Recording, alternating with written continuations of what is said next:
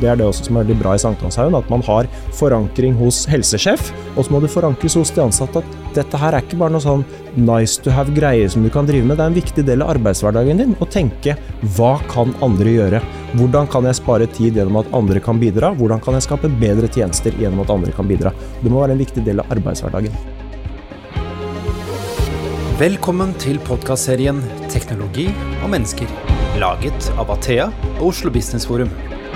Vi har samlet de beste eksemplene på teknologi og digitalisering. Hvordan fikk de det til, og hva kan vi lære av dem? Da er vi tilbake med en ny episode eh, i podkastserien Teknologi og mennesker. Mitt navn er Christian Brostad. Tusen takk til alle dere som følger oss hver eneste uke. Eh, det setter vi sedvanlig pris på, som vanlig. Denne uken skal vi snakke om eh, velferdsteknologi. Og det er en rekke utfordringer innenfor helse- og omsorgssektoren. Bare hør på dette. Antall eldre øker, vi har for få varme hender, vi opplever mer ensomhet i samfunnet enn før, flere faller utenfor arbeidslivet, og det er press på helsetjenestene. Så vi spør hvordan kan teknologi og nye samarbeidsmodeller eh, bidra til å løse disse store eh, utfordringene. Og For å diskutere dette så har vi med oss to fantastiske gjester, og vi har fantastiske gjester hver eneste uke, så det er jo ikke noe forskjell nå. Det er Thomas eh, Lystad, som er prosjektkoordinator i bydel Sankthanshaugen her i Oslo. Og så har vi Fredrik Gullovsen, som er medgründer i Nyby. Velkommen til dere. Takk skal du ha. Tusen takk. Ja, Det er veldig tidlig. Vi startet denne innspillingen veldig tidlig på morgenen. Går det bra? Du har kjørt langt? Ja da, jeg har det, men det er jo det er deilig å komme seg vekk fra hjemmekontoret og eh, kjenne litt på at man er en del av noe, noe større. Så det er helt fint. Det er helt fint. Og du er kortreist, holdt jeg på å si? Jeg begynner å bli våken. Du begynner ja, å bli våken. det er bra. Eh, kanskje vi skal starte med deg, Fredrik. fordi eh, Jeg prøvde jo innledningsvis her å skissere de utfordringene vi står eh, overfor. Eh, hva er ditt eh, take på det? det? Kjenner du deg igjen i det? Absolutt, jeg gjør det. Og inngangen min og vår i Nyby til dette her er at jeg hadde en lillebror som ble sykere og sykere gjennom eh, mange år, og som ikke lever lenger nå. Det var det som gjorde at vi begynte å reflektere veldig mye rundt hvordan vi organiserer omsorg. Og det er det vi også ser at vi er ikke alene om det. fordi nettopp som du var inne på, vi blir flere eldre. Eh, og, eh, og med dagens modell rett og slett, så er det ikke nok helseansatte i framtiden til, til, å følge dagens modell. Og det, Korona har jo på en måte vært en liten forsmak egentlig på den omsorgskrisen som har vært lenge varslet. Og den har vært lenge varslet i Norge, men også i Skandinavia og egentlig hele Europa og den vestlige verden. Mm. Og i en kommune så merker man jo dette veldig på kroppen, vil jeg tro, Thomas? Ja, vi har jo, vi har jo eh, siden jeg begynte eh, å jobbe i kommunen for seks år siden, så har vi jo snakka om den eldrebølgen, og det har jo hørtes ut som noe veldig skummelt hele veien. Og man veit jo aldri når den kommer, og om man kommer litt sånn hele tida eh, og fortløpende. Men, men, eh, vi jobber jo hele tida for å finne nye måter å gjøre ting på, fordi vi veit at vi trenger, eh, vi trenger nye måter å gjøre ting på, og vi trenger å effektivisere de ressursene vi har. Og vi må gjøre liksom stramme prioriteringer allerede. Så, så hvordan kommer dette til å bli etter hvert? Det kommer jo bare til å bli vanskeligere og vanskeligere. Og det som er nødvendig helsehjelp, det blir på en måte det blir strengere og strengere, det òg, da. Eh, og så, så, blir det jo til at man pålegger folk hva er det du trenger. Fordi vi må lage noen rammer for hva vi kan gi. Eh, og hva folk trenger, er jo veldig forskjellig. Eh, og en, som, når man jobber i helsetjenesten, så ønsker man jo gjerne å kunne gi mer. og da å på en måte jobbe mot en fremtid hvor man må forvente å gi mindre, så, så gjør jo det at man vil gjøre ting annerledes, da og finne nye verktøy for hvordan man kan komme over flere, og hvordan man kan få bedre kvalitet, rett og slett. Eh, Fredrik, i, eh, i, mine forberedelser til denne podkasten så dukket det et ord, eller to ord egentlig, opp hele tiden, og det var sosial innovasjon. Eh, hva har dette sosial innovasjon med, med, velferd og omsorg å gjøre, tenker du? Nei, det tenker jeg jo Sosial innovasjon er jo, hvis man zoomer litt ut og ser på store bilder, så er jo hele velferdsstaten er jo en kjempesosial innovasjon. Det at vi har gratis eh, velferdstjenester i, i, eh, land som i Skandinavia er jo Sammenlignet med USA f.eks., så er det en kjempesosial innovasjon. og Sånn har det vært drevet fram eh, store ting som vi nå tar for gitt. da. Eh, og, så, og, da er det jo at vi nå gjør all, all, type innovasjon oppå den sosiale modellen, kan man jo kalle det sosial innovasjon. Mm. Og, men dagens helsevesen, gratis sykehus, hjemmetjeneste osv. er jo kjempesosial innovasjon. Mm. Så Alt trenger ikke å ha med teknologi å gjøre, men det kan være en måte man organiserer seg på. Mm. Vi kommer litt tilbake til organisering etterpå, men uh, I kommunen så øh, Du var for så vidt litt inne på det, men det er jo masse tjenester som man skal gi til innbyggerne. Mm. Eh, og så fikk vi korona. Og reportasjer i mediene de siste dagene har også vært sånn at det er færre som får, får hjelp. Da. Eh, det er ganske tårevåte historier. Da. Eh, hvordan har det vært for dere i bydelen? Hvordan har dere følt det på kroppen? Um, jeg husker jo i mars, når det på en måte traff oss som hardest, og traff alle uh, som hardest, så var, jo, så var det jo det å gå til rødt nivå. For oss var det jo det å finne et uh, uh, Altså ut ifra vårt journalsystem, så var det å finne hva er det som er absolutt livsviktige tjenester, og hva er det som ikke er det. og det er på en måte en prioritering ut ifra alt som allerede er hardt prioritert til å være nødvendig helsehjelp. Så det sier seg sjøl at det er ganske mye der som som, som, var på en måte på grensen til uforsvarlig. Da. Uh, og det er, man jo tvunget til når man veit at uh, man må forberede seg på at uh, man mister halve arbeidskapasiteten. så, så, sier det seg sjøl at man må gjøre enda hardere prioriteringer. Da. Men, men, det er klart, det var jo det var ordentlig ukomfortabelt. Ehm, og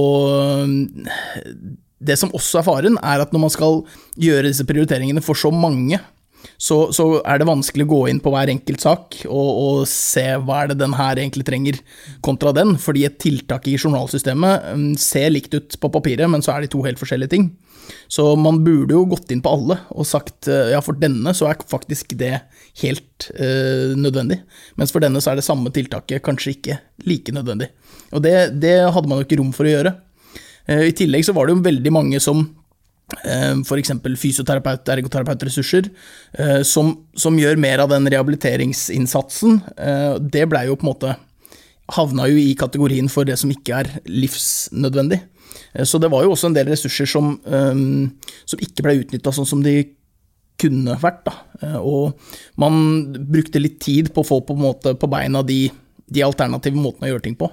Og det å gjøre ting på avstand, bruke mer telefon, snakke mer med folk Eh, som plutselig ble sittende helt alene uten noen ting. Det burde vi hatt mer eh, struktur på fra starten.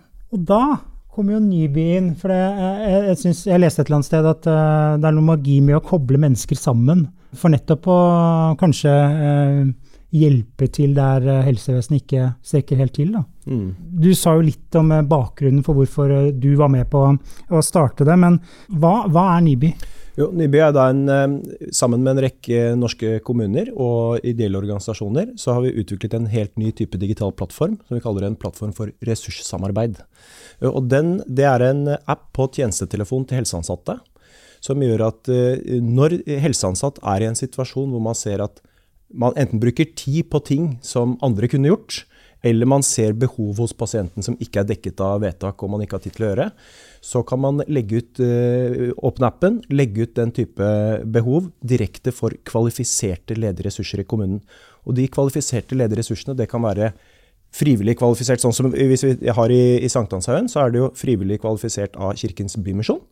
Men så er det også ledig på introprogrammet, folk som da kan bidra med meningsfulle oppgaver som en del av norskopplæring og introprogram.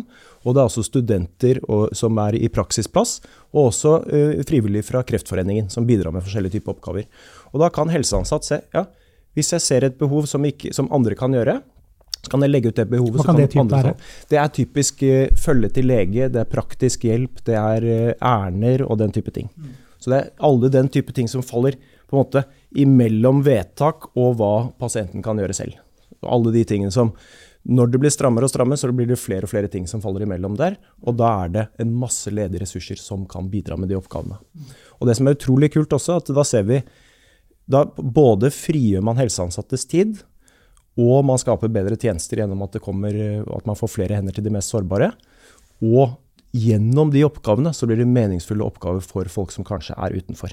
hvis man tenker i forhold til ensomhet og inkludering osv. Så, videre. så det er en sånn vinn-vinn. Mm. Mm, så det kan være typisk eh, tidligere rusmisbrukere som er på, på vei det, tilbake. Eh, det er et, eksempel, et, eksempel, da? Ja, det er et kjempekult eksempel fra Melhus kommune. Mm. som, hvor de har eh, bolig for, eh, for eh, tidligere rusmisbrukere. Som da istedenfor å blir sett på som et problem, så har man kvalifisert de til å gjøre forskjellige typer oppgaver. Sånn at som en viktig del av deres helsetilbud er nettopp å bidra med meningsfulle oppgaver. Avlaste tradisjonelt helsevesen gjennom å løse den type oppgaver som snømåking, ærender og følge til lege osv. Hvem kan være med på plattformen? Kan jeg på en måte tilby min tid? Du kan det, da, men da går det inn Det er ingen som på en måte svømmer rundt i Nyby-plattformen som individer. Sånn som f.eks. hvis man ser nabohjelp eller, eller masse Facebook-grupper hvor folk vil bidra osv., så, videre, så er man bare enkeltindivid. I, I Nyby så er man rekruttert inn da gjennom f.eks. Kreftforeningen, Bymisjon eller da ditt opplegg i Nav eller tilsvarende. Og så blir du kvalifisert av en, av en leder der som, som kjenner deg, og kvalifiserer deg til de oppgavene som du er egnet til å gjøre.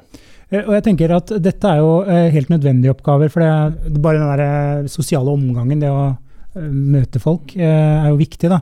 Hvordan kom dette opp på bordet ditt eller deres da, i bydelen? Dere så tydeligvis at det falt helt utenfor, eller noe sånt? eller? Jeg skal ikke svare for deg, men Ja, altså det, det som er, det som er så, sånn generelt sett, da, med anskaffelsesreglementet og det, sånn, den måten å gå fram på i det offentlige, så forventes det jo, eller det legges i hvert fall opp til at vi er veldig innovative, og at vi er veldig eh, frem, fremoverlente, ser alle behovene våre og spytter ut behovsmeldinger. Eh, det, sånn er det jo ikke. Eh, det er jo folk i Nyby og i andre plattformer som, er, som har tenkt på ting som ikke vi har tenkt på. Så i veldig mange tilfeller så kommer det jo Får vi høre om en tjeneste, og ser at ja, her er det jo selvfølgelig et behov, men da er vi allerede skeivt ute i forhold til anskaffelsesreglementet, egentlig. Men det er jo det er jo det som jeg sa tidligere, at vi, vi er jo på leiting etter eh, verktøy for å gjøre fremtida vår lettere. Eh, og Nyby var jo en opplagt del av det. Det å kunne, kunne, mobilisere frivillighet, det å kunne mobilisere andre ressurser som er tilgjengelig i bydelen. Eh, når koronaen eh, traff, så vi, hadde vi plutselig masse barnehageansatte, masse andre typer ressurser som, som eh, mista sitt virke, og som gjerne ville være fortsette å være effektive da, og gjøre noe, bidra med noe. Og da var jo selvfølgelig helse, mestring og helseavdelingen et uh, naturlig sted å kunne sette inn de ressursene. Og da var jo Nyby en perfekt plattform for å gjøre det. Uh, for å kunne nå de på en litt sånn lett, lett måte, da, enkel og lavterskel eh, måte for de ansatte å slenge ut en forespørsel, eller meg, da, som, startet, eller som koordinerte det da. Eh, også kunne de, de, ressursene som satt og venta litt på noe å gjøre, eller som i hvert fall ikke eh, Som hadde mista sine faste oppgaver, da, kunne ta det de, det de følte seg trygge på. For da tok dere da de ledige SFO-ansatte inn i en ressurspool, ikke sant? og som kunne kobles direkte med behov som helseansatte så, hos, ja. Eh, som de ikke hadde tid til å gjøre. Ja, stemmer. For det er jo sånn som eh, Nyby er bygd opp veldig inspirert egentlig av delingsøkonomi hvor man har direkte kobling fra den som har behovet, i dette tilfellet helseansatt som ser, eh, som ser behovet hos pasienter, direkte med de som er kvalifisert til å bidra, som da kunne være i dette tilfellet ledige SFO-ansatte, eh, eller da, eller da eh, kvalifiserte frivillige fra Kreftforeningen og Bymisjonen og introprogrammet osv. Eh, men så er det liksom den store forskjellen fra delingsøkonomi, det er jo det at det er plattform for samarbeid og ressurssamarbeid mellom organisasjoner og avdelinger som kvalifiserer hvem er det som skal få be om tjenester, i dette tilfellet da helseansatte, og hvem er det som skal kunne bidra med hvilke tjenester. Det er de som er kvalifisert for akkurat det. Sånn at man får den samme tryggheten som man er vant til i offentlig sektor. Så tante Olga kan ikke legge inn en ask, holdt jeg på å si. Det heter jo kanskje ikke det, en demand? Et behov, eller må det alltid gjennom en helse... Så, så kommunen kan velge at også brukere selv eller pårørende kan uh, legge ut uh, behov. Det vi ser, er at det er ikke i de fleste tilfeller veien man når fram til de mest sårbare. Mm. Fordi veien man, De mest sårbare det er, Mange av de kan bruke apper osv., men de kanskje, det er både tekniske og sosiale barrierer for å be om hjelp, og det er ofte man ikke vet at man trenger hjelp heller. Den, så Det er derfor det er viktig å ha lytteposter inne. De helseansatte som ser behovene, føler på den samvittighetsklemma, så gir man de en superkraft til å koble opp mot tilnærmet uendelig ledige ressurser som er kvalifisert og trygt. Eh, så det er, eh, Derfor er det også Man kan velge at alle innbyggere kan Under korona så var det mange også som uh, åpnet for alle innbyggere kan be om hjelp, og alle kan bidra. Da så vi det kom tusenvis inn som uh, ville bidra. Veldig få som legger ut behov. For de, de, som hører om en app uh, og så videre, laster ned den osv., de er som oftest ikke blant de mest sårbare. Så veien inn er gjennom helseansatte som ser det.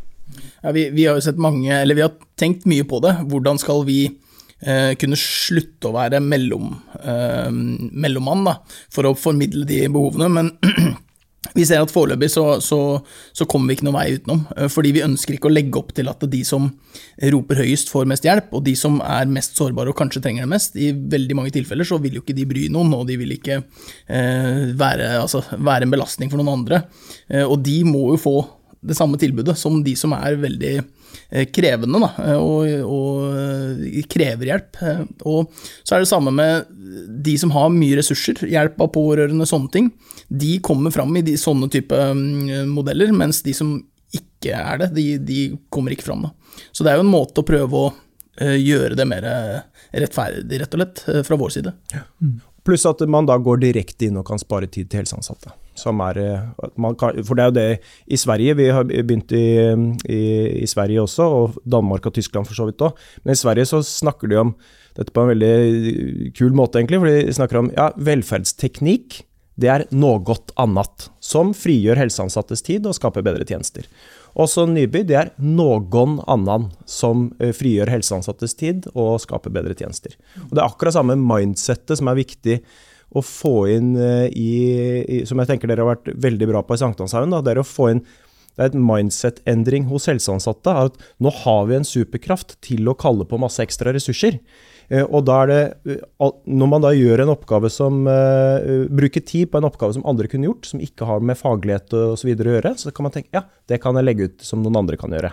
Og sammen når man ser et behov hos en pasient som ikke blir dekket, som er utenfor vedtak osv., og, så videre, og de gir samvittighetsklemme, press osv., ja, da kan andre gjøre det. Mm. Du bruker ordet kvalifisert. Det betyr at uh, man, de som skal hjelpe til, de eh, går i en eller annen form for screening, da? Ja. Eller kanskje ikke så voldsomt? Altså, Er bakgrunnssjekker, eller hva, hva, gjør man? Ja, Det varierer veldig. og Det er jo ikke, eh, det er jo da hvem er det kommunen ønsker å samarbeide med. Mm. Eh, så hvis, man, hvis, kommunen inngår samarbeid med f.eks. Kreftforeningen om transport, så vet da kommunen at Kreftforeningen de er god på å rekruttere rette folk til det, kurse det, kvalifisere de med politiattest, intervju, hvordan, og nå særlig hvordan gjør man det med smittevern osv. Og, så og da er det den institusjonelle tilliten, den tilliten kommunen har til Kreftforeningen som organisasjon, som uh, gjør at man kan være trygg på de, de, personene som kommer fra Kreftforeningen.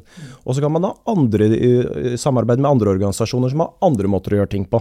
Men det er fordi man stoler på den organisasjonen. Mm.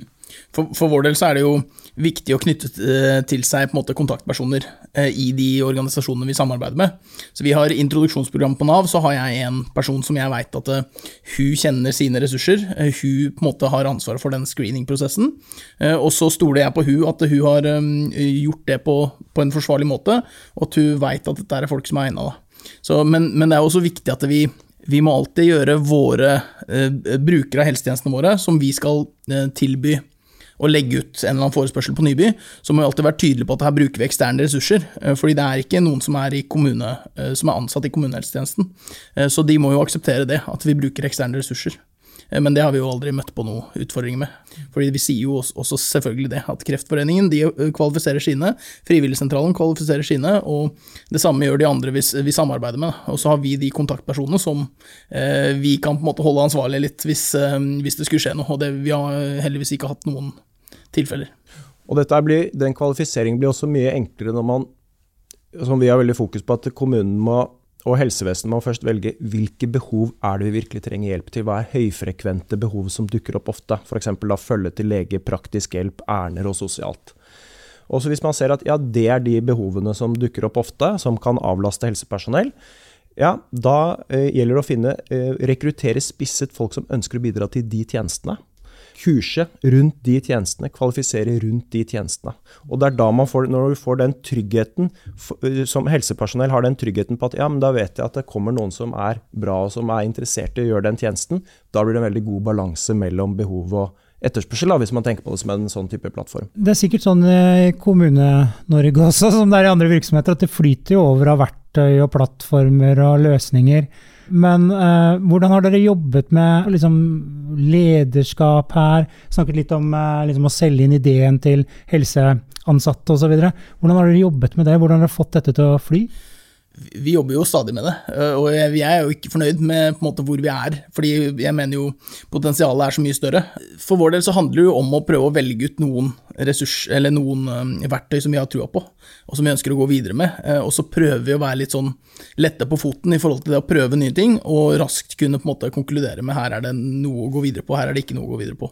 Og på en måte samarbeid med utviklingsaktører er jo en viktig del av det, fordi da da måte minimerer vi kostnaden vår, og vi kan måte eh, prøve ut. Eh, og så er det jo viktig med å jobbe veldig veldig eh, tydelig med forankring og den biten. Når man finner et verktøy som man har trua på, så må, så må det opp. Og nå, nå, blir jo Nyby også en del av Vi er gjennom en omorganisering, og vi legger nå til rette for at Nyby kan bli en tydeligere del da, av på en måte, arbeidshverdagen vår framover.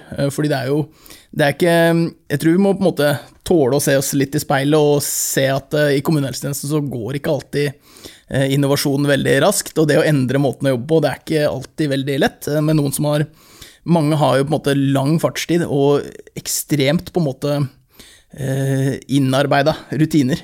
Så det å fortelle dem at den måten du jobber på nå, den skal vi endre til noe annet, det er ikke det nødvendigvis det letteste. Så det handler jo om å vise ikke sant, at um, her er det en måte som gjør at vi kan få til det og det. Og så trenger man noen som tør å ta det steget da, og begynne å bruke det, og så vise at ja, nå har vi en person her som, som legger ut uh, fem forespørsler i uka, og brukerne hennes får hjelp til det og det og det og det. Mm. Uh, og da håper vi at alle som jobber i helsetjenesten, ønsker jo å være best mulig, og få på en måte hjelpe brukerne sine best mulig. Og da håper vi at det på en måte gjør at folk har lyst til å bruke det og endre måten de jobber på. Hva er erfaringene deres med er det over 50 kommuner? Mm. Hvordan uh, angriper man dette, det, så det ikke blir bare et annet verktøy i stekken? Ja, det er um, flere ting som jeg tenkte på når du snakket nå. som er Det ene er jo Vi ser veldig stor variasjon fra kommune til kommune. Eh, hvordan man lykkes med å ta dette i bruk. Så det første liksom, man må unngå, det er å se på det bare som en pilot. For akkurat som du var inne på, man killer, eller man avvikler de tingene som ikke funker. Det er bra. Men hvis man setter i gang noe, og sier at dette er en pilot eller en test som vi skal teste i tre måneder, og så skal vi se hva det blir, så kommer garantert alle de som er redd for endring, de kommer til å si vent litt, jeg venter litt. Og så kommer det til å gå over, og da kommer det til å gå over. For da, da, da kommer jo ingenting til å skje, og da dreper man det av den grunn. ikke sant? Så det som er kjempeviktig, er å finne fram til de rollemodellene, akkurat som Thomas snakket om. Eh, starte, for at det, helt til å begynne med så kommer det til å være litt sånn barnesykdom, litt sånn usikkerhet på hvordan man gjør ting osv. Og, så og da er det viktig å ha noen som klarer å bære det, som er noen rollemodeller. Og så, med en gang man da får bevist, og et internt bevis i kommunen på at yes, dette funker, og det, og det gir verdi osv., så, videre, så er det viktig å motivere, men også stille krav til at man begynner å jobbe på den nye måten. At det må inn i rapportering, inn i linja, og det er det også som er veldig bra i Sankthanshaugen, at man har forankring hos helsesjef Solveig Tusset Berg, som er veldig bra og gir rom for endring.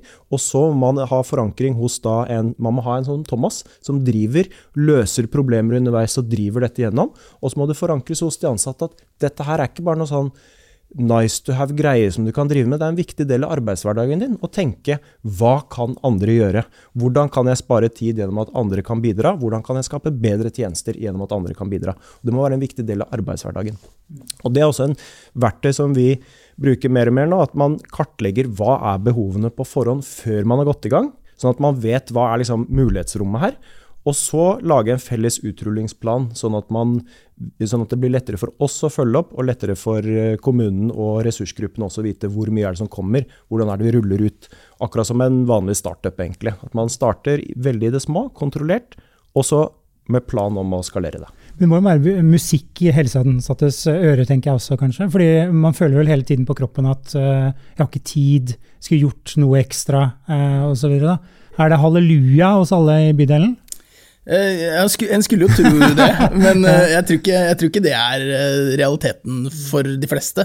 Jeg tror de fleste er som, som blir sagt her, da, om at man er litt mer skeptisk til at her kommer det enda en ting.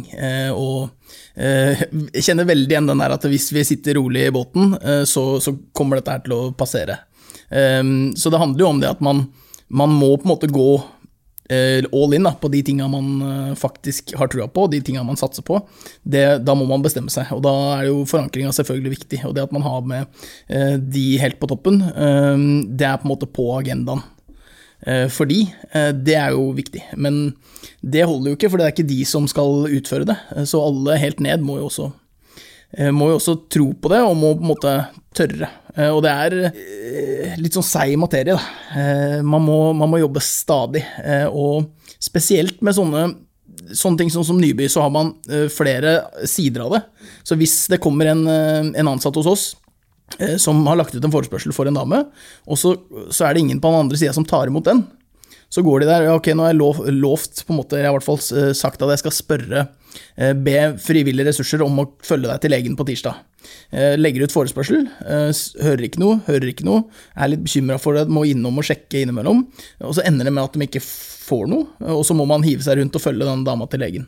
Så hvis man får de opplevelsene i starten, så er det på en måte veldig, øh, veldig lett å konkludere med at dette her fungerer ikke. Så man, man må på en måte sørge for at det er balanse på begge sider. Da. Eh, At man veit at de ressursene som skal hjelpe til, eh, at det er litt, en liten forventning til de òg, om at man kan ikke bare sitte og se, se på. Det er frivillige ressurser, og man kan ikke heller stille de aller største krava. Det skal være på frivillig basis, men hvis man registrerer seg som en frivillig ressurs, så er det jo forventa at man, man ønsker å bidra, da. Og der ser vi jo veldig Der må jeg bare si, for der har det vært utrolig bra hos dere, hvor du har vært veldig klar på at eh, ja, nei, men helseansattes jobb, det er å legge ut behov. Og hvis det ikke er noe som tar det, så må man fortsette å legge ut, sånn at man etter hvert får eh, synliggjort de behovene, og, eh, og ressursgruppene kan da rekruttere inn flere folk og stille mer krav til sine. Og da har vi sett veldig stor variasjon også på den siden, med Kreftforeningen, som er helt eh, fremst i, blant alle våre partnere, på at faktisk alle oppdrag blir tatt. De har gjort masse nå. Eh, hverdagshjelp og eh, kjøretjeneste nå som de har bygd opp over hele landet i løpet av 2020 eh, gjennom Nibbi. Eh, Og alle oppdrag blir tatt. Og Det er fordi da har de tydelig rekruttering og forventningsstyring. Ikke på når du skal ta oppdrag osv., men hvor mange per uke ca. Og når de da også vet eh, gjennom eh, dialog med partner hvor mange behov er det som cirka som kommer til å komme, for det styres av de helseansatte, så går det an å balansere behov og etterspørsel på en fantastisk bra måte. Så, og det ligger også i hva slags partner eh, kommunen velger å samarbeide med, om man kan stole på at ting blir tatt eller ikke. Det er som å bygge, ja, det er jo å bygge, bygge begge sider samtidig. For vår del så var det jo litt sånn trekkspill eh, i starten. Eh, det, plutselig så hadde vi på en måte en liten eh, push på det hos oss, eh, og så kom det noen forespørsler. Og da hadde, måte, var det litt lunkent på den frivillige sida. Og så så vi ja, da må vi jo aktivere de, eh, og så var vi ute og på en måte satte litt støt på det. Og så var det mange som satt klare, og da hadde allerede våre ressurser dødd litt ut eh, i motivasjon. Da. Og så på en måte gikk det litt sånn, før det, når vi nå ser at det nå greit, nå nærmer vi oss, eh, nærmer oss noe som er balanse da, i regnskapet. Og, og det har vi sett eh, masse nå, eh, altså eh, ja, andre kommuner, mange hundre eh, innbyggere og frivillige som melder seg. Eh, men så hvis det ikke da kommer behov, så er det jo er ikke så veldig motiverende når du har meldt, når du har meldt deg osv., og, og så dør du ut. da. Og det svaret på det, som, det er at vi har eh, laget disse utrullingsplanene, hvor det er mye mer koordinert, nettopp for å unngå, unngå det. Hvor man starter med fem rollemodeller som legger ut da et behov om dagen, for vi vet at det er minst, eh, minst så mye. Eh, Og så har man én eller to ressursgrupper som vet da hvor mange behov som kommer per uke osv. Som er en eh, utrolig mye bedre måte å gjøre det på. da. Mm. Det er sikkert noen som kan tenke Thomas, at oppgaven deres er å lage gode helsetjenester. Eh, og så skal dere hive inn noe mer, så det blir fort uh, fullt på tallerkenen. Men uh, hvordan, kan du si litt om eh, Det er jo mot her også til å gjøre noe annet, selv om det er ganske innlysende at det frigjør tid. Eh, men det er jo ikke alle som ser kanskje de sammenhengene i starten. da. Nei, det som er utfordringen er jo Fortell litt om motet ditt nå, Thomas. det, som, det som er utfordringen, er jo at eh, vi, vi trenger, eh, som du sier, å, å tørre å hoppe litt i det. Og eh, spesielt da, for min del så er det jo ledelsen som må tåle at det er ikke, det er ikke sånn at eh, nå starter vi på mandag, og så innen fredag så har de ansatte flere timer ledig tid.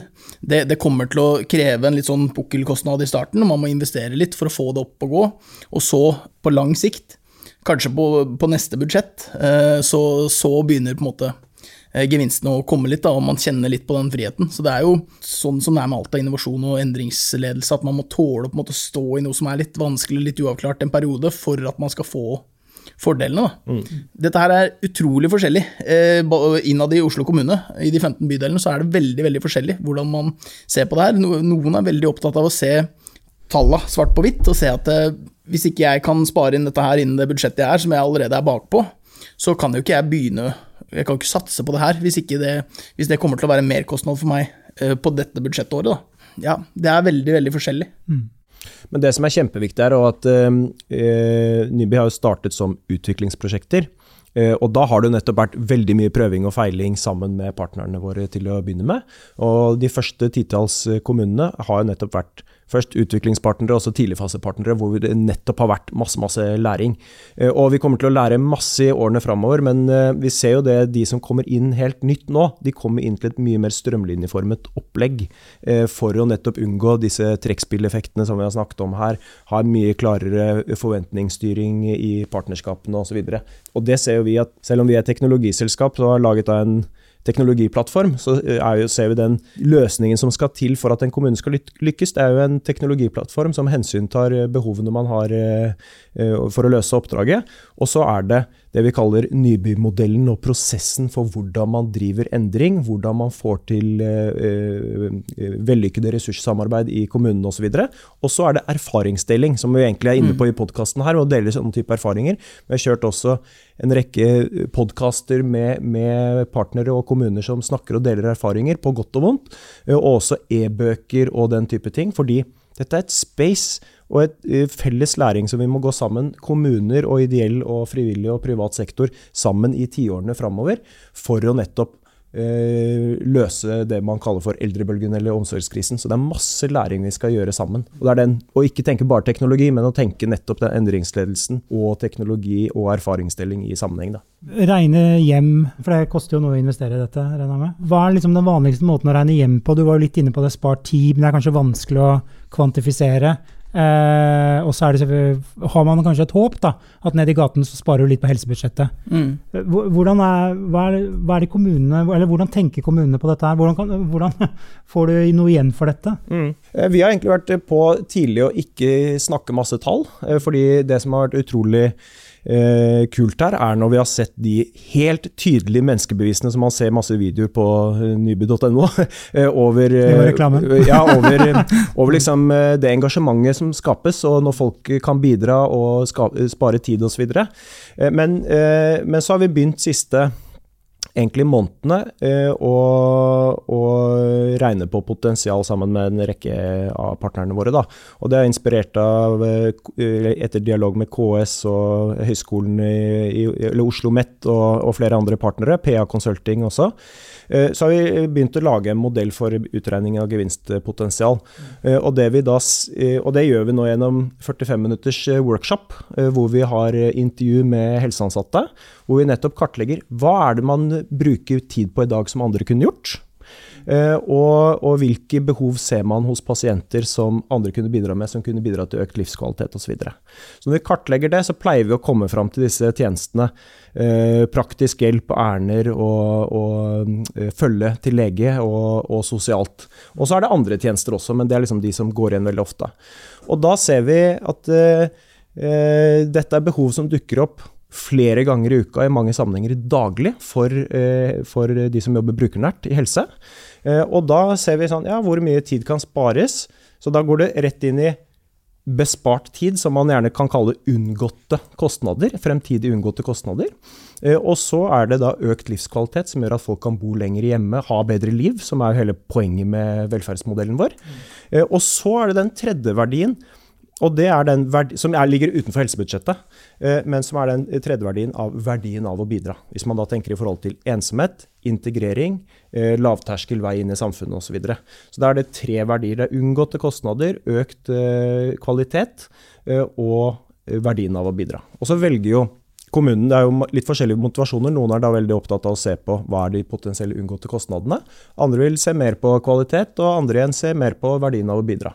Men til sammen så ser vi jo mange, mange gangen av investering i både tid kommunen bruker, og, og øh, lisenskost og samarbeidsavtale med oss. Da. Og så, og så er det jo um, Det å regne gevinst i kommunehelsetjenesten er jo utrolig vanskelig, og det er jo noen ting som er Eh, veldig konkret. F.eks. når vi begynte med medisindispensere, så hadde vi et, et sett med besøk som eh, måte, vi kunne erstatte. Eh, og da kan man regne minutter og kroner.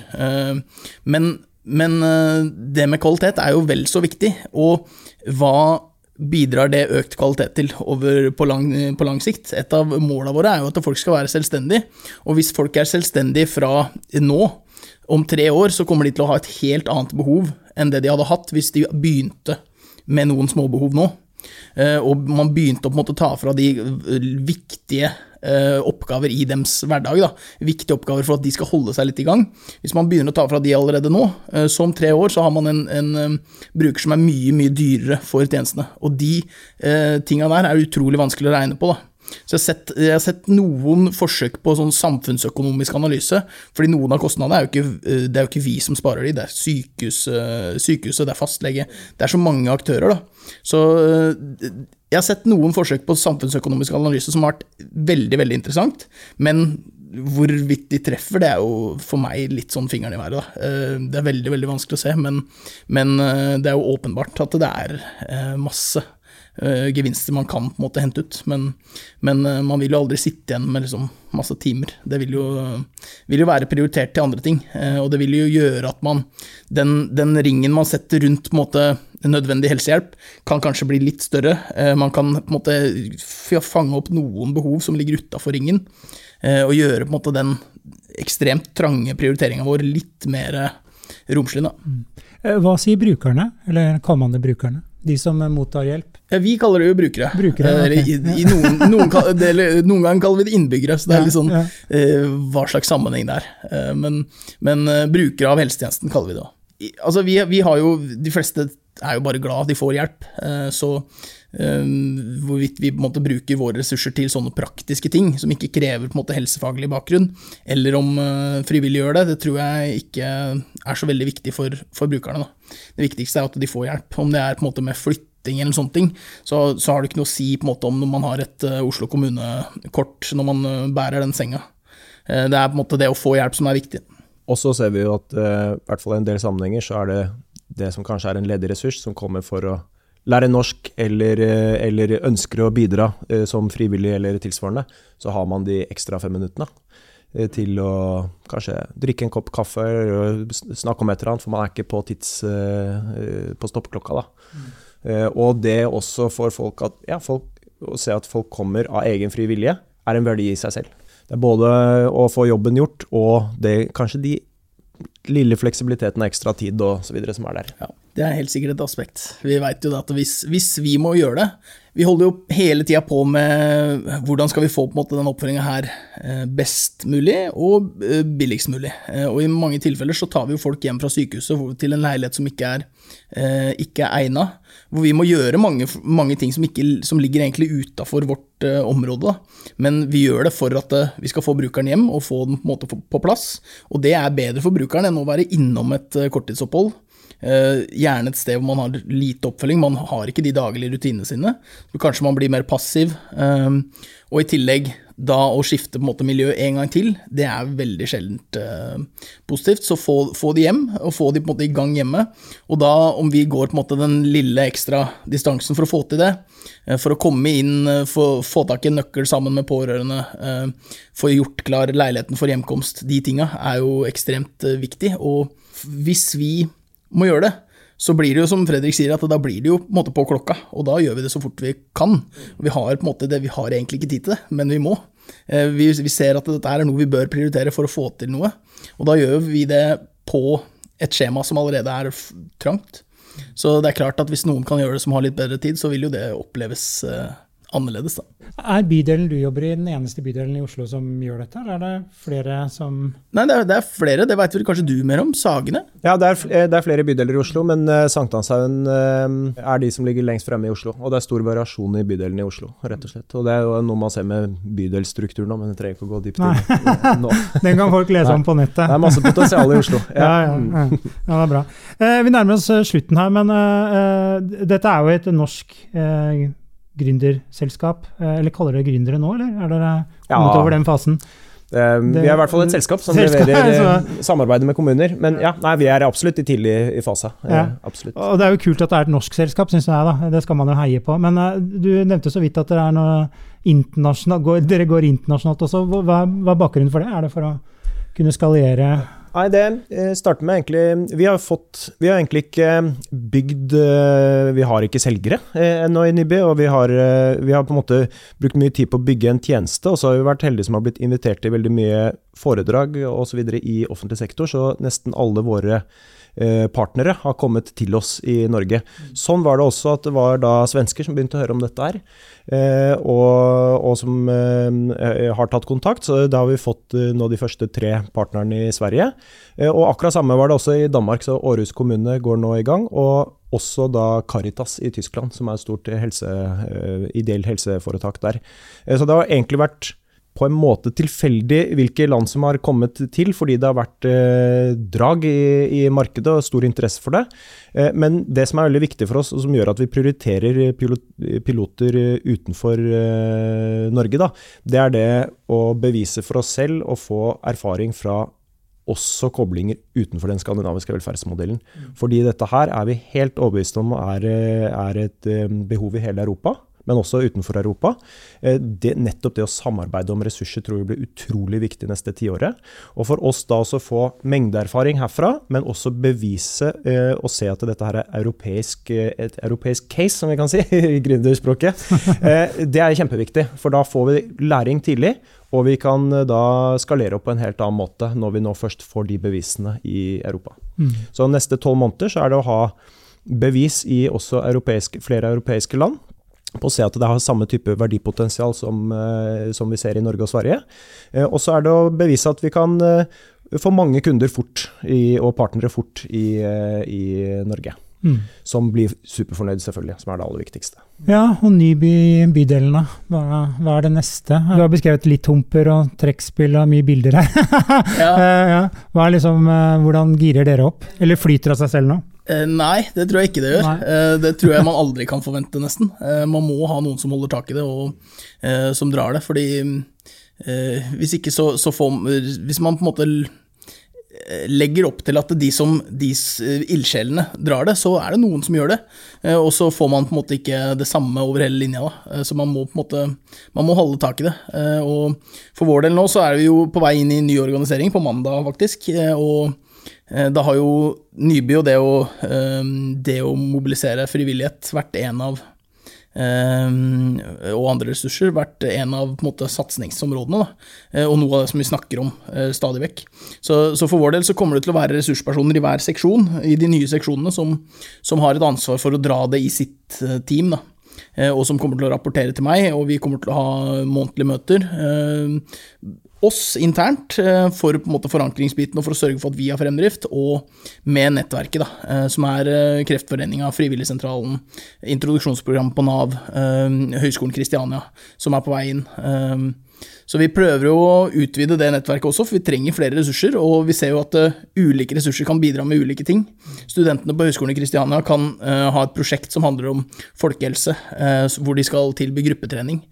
Og hvis vi kan på en måte tilby gruppetrening til våre brukere, med eksterne ressurser, som på en måte har en kompetanse og er på en måte på vei, på vei til å utarbeide, eller på opparbeide seg en kompetanse, så er det noe vi gjerne vil utnytte. eh, Og vi ser jo at det er sikkert masse mer potensial for sånt, så vi håper jo at eh, nettverket vårt skal bare vokse, da.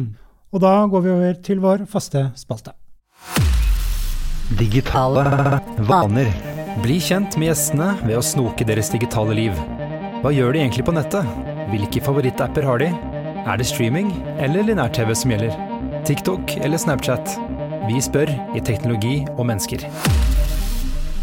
Eh, Da skal vi snoke litt i deres digitale private liv, og greia med dette da, er at dere får to alternativer, og så skal dere velge ett av dem. Og det er ikke lov å skape sitt eget alternativ. Er det forstått? Shit, altså! Det er vanskelig. Ja. Ja. Ok, eh, vi begynner med deg da, Fredrik. Eh, Digitale eller fysiske møter? Vet du hva? Jeg har blitt veldig glad i digitale møter. Men jeg elsker jo mennesker, så Nei, digit, vet du hva? Digitale. Det er supereffektivt. Ja, jeg tror jeg kommer til å si det samme. Jeg, jeg veit at jeg har ikke med meg alle uh, på, på jobben min, Uh, men jeg syns jo hverdagen nå er ekstremt effektiv. Fordeler og ulemper, selvfølgelig, men akkurat møtene kan gjerne være digitale for meg. Jeg har lyst til å si, må gjerne kombinere det med at da er man eh, med f.eks. team og kollegaer osv. Hvis man kjører møter digitalt, det er bedre på veldig mange måter, mer effektivt osv., da kan man ha mer tid til å være sammen bare sosialt, og bare, bare det. Mm. Så skape de mellomrommene. Eh, neste. Eh, egentlig så er det tre alternativer. Jeg tør ikke å si det siste, for vi fikk stå på pokeren da, eh, etter forrige episode. Eh, så da blir det Instagram eller TikTok. Jeg tenkte jeg skulle nevne Clubhouse, skjønner du, men det er så mye Ja, det, omtalt. ja. det viktigste er jo innholdet og ikke formatet, da. Så, men eh, nei, Instagram. Instagram. Nei, TikTok er fryktelig morsomt, altså. Jeg har det faktisk ikke selv, men kjæresten min har det. Ja. Og det er, ok, jeg sier TikTok. Jeg, akkurat samme eh, situasjon for meg, faktisk. Jeg, jeg sniktitter litt på TikToken til kjæresten min noen ganger, men uh, har det ikke sjøl. så jeg må jo nesten si Instagram. Det er jo den, den jeg bruker. Det er herlig innblikk inn i bare mennesker. Altså variasjonen på Ja, mennesker er så og- stor. Ja, og det er jo, For meg så er det en sånn veldig hjernedød eh, greie, hvor man Eller nå, nå veit jeg ikke hva som, hva som finnes der, da, men jeg føler mye er på en måte i veldig hjernedød underholdning, og det kan jo være fryktelig morsomt. da. Ja, ja, ja. Man må ha Vi det. må slå i hjel litt tid i det, Ja. disse koronatider. Uh, tredje her, emoji eller tekst. Jeg syns emoji er fantastisk. Det, er, eh, det sier, kan si alt og ingenting. Det er litt vanskelig eh, hvis man får Ja. Nei, jo, emojis. Emojis. Du er litt sånn nølende på alle alternativene. Du da, Thomas? Nei, jeg, jeg, igjen så er jeg dessverre enig, da. Eh, Jeg syns jo det å kunne svare bare med emojis kan være kjempehumor. Ja. Har dere avtalt hva dere skal svare før dere kommer? ja, Skulle tro det. Vi har data før, det? Så det var gjennom emojis. Så tror man er enig, og så er man ikke Nei. Altså. Ok, Det siste her, da. Uh, ringe eller sende meldinger? Melding, jeg syns det er eh, Ja, melding. Sikker? Du pleier å bytte! Det er det, vet. Nei, Nei, det spørs jo utrolig og så videre, men vi må velge en ting. må velge en ting. Ja. Ja, og det er veldig behagelig for folk å få en melding istedenfor å bli mast på. Mm. Det er, eh, apropos balanse, kan være veldig kjekt for meg å få tak i folk med en gang, men da forstyrrer jeg andre. Så ja, melding. Ja, jeg, i, i, en travel arbeidshverdag så ringer ringe, um, fordi da får man svaret man vil ha, men sånn på privaten og sånne ting, hvis det er det, hvis det, er det denne spalten handler om, så, så melding, uten tvil. Ja, jeg er nok en av de som er litt kjedelig på, på telefon. Med de fleste så bruker jeg på en måte kortest mulig tid, eh, så, så jeg velger ofte meldinger. Siste, eh, og det er denne som er litt på kanten. da. Så dere ja. får, eh, nei, kanten og kanten. Det kommer an på ja. Ok, eh, Fredrik. Ikke dusje på en måned, eller ikke ha internett på en måned. Jeg er helt klart ikke dusje. Ja. Null problem. Ja, nå ser vi jo ingen likevel, så det er jo Ja, nei, det, er helt, det går helt fint. Vi kan lukte litt. Jeg er enig. Det, var, det er nesten så jeg tok min første dusj på en måned i dag, så før jeg kom hit. Nei, såpass. nei, nei. Det var godt. men eh, ja, uten tvil, internett er jo eh, livsviktig nå om dagen, så det, det hadde ikke gått. Nei, det er jo Steve Jobs. Han eh, var på sånn eplediett, hvor det han visstnok ikke skulle lukte vondt. Mm. Så han bare sa sånn Nei, jeg er på eplediett, så jeg trenger ikke å dusje, for da lukter jeg ikke vondt. Men alle rundt sa sånn Du lukter vondt, da. Men han hadde jo liksom eh, sin egen oppfatning av hva, hvordan ting var, så han mente Nei, han gjorde ikke det, for han fulgte den reglene. Så um, jeg tror eh, Så eple er ikke anbefaler når man ikke dusjer? Nei. Nei, veldig bra. Uh, Fredrik og Thomas, tusen takk for at dere kunne være med, og tusen takk til deg som har lyttet på. Du har nå lyttet til Teknologi og mennesker, laget av Athea og Oslo Business Forum. Liker du podkasten, setter vi stor pris på om du gir oss noen stjerner. Og tips gjerne en venn om podkasten.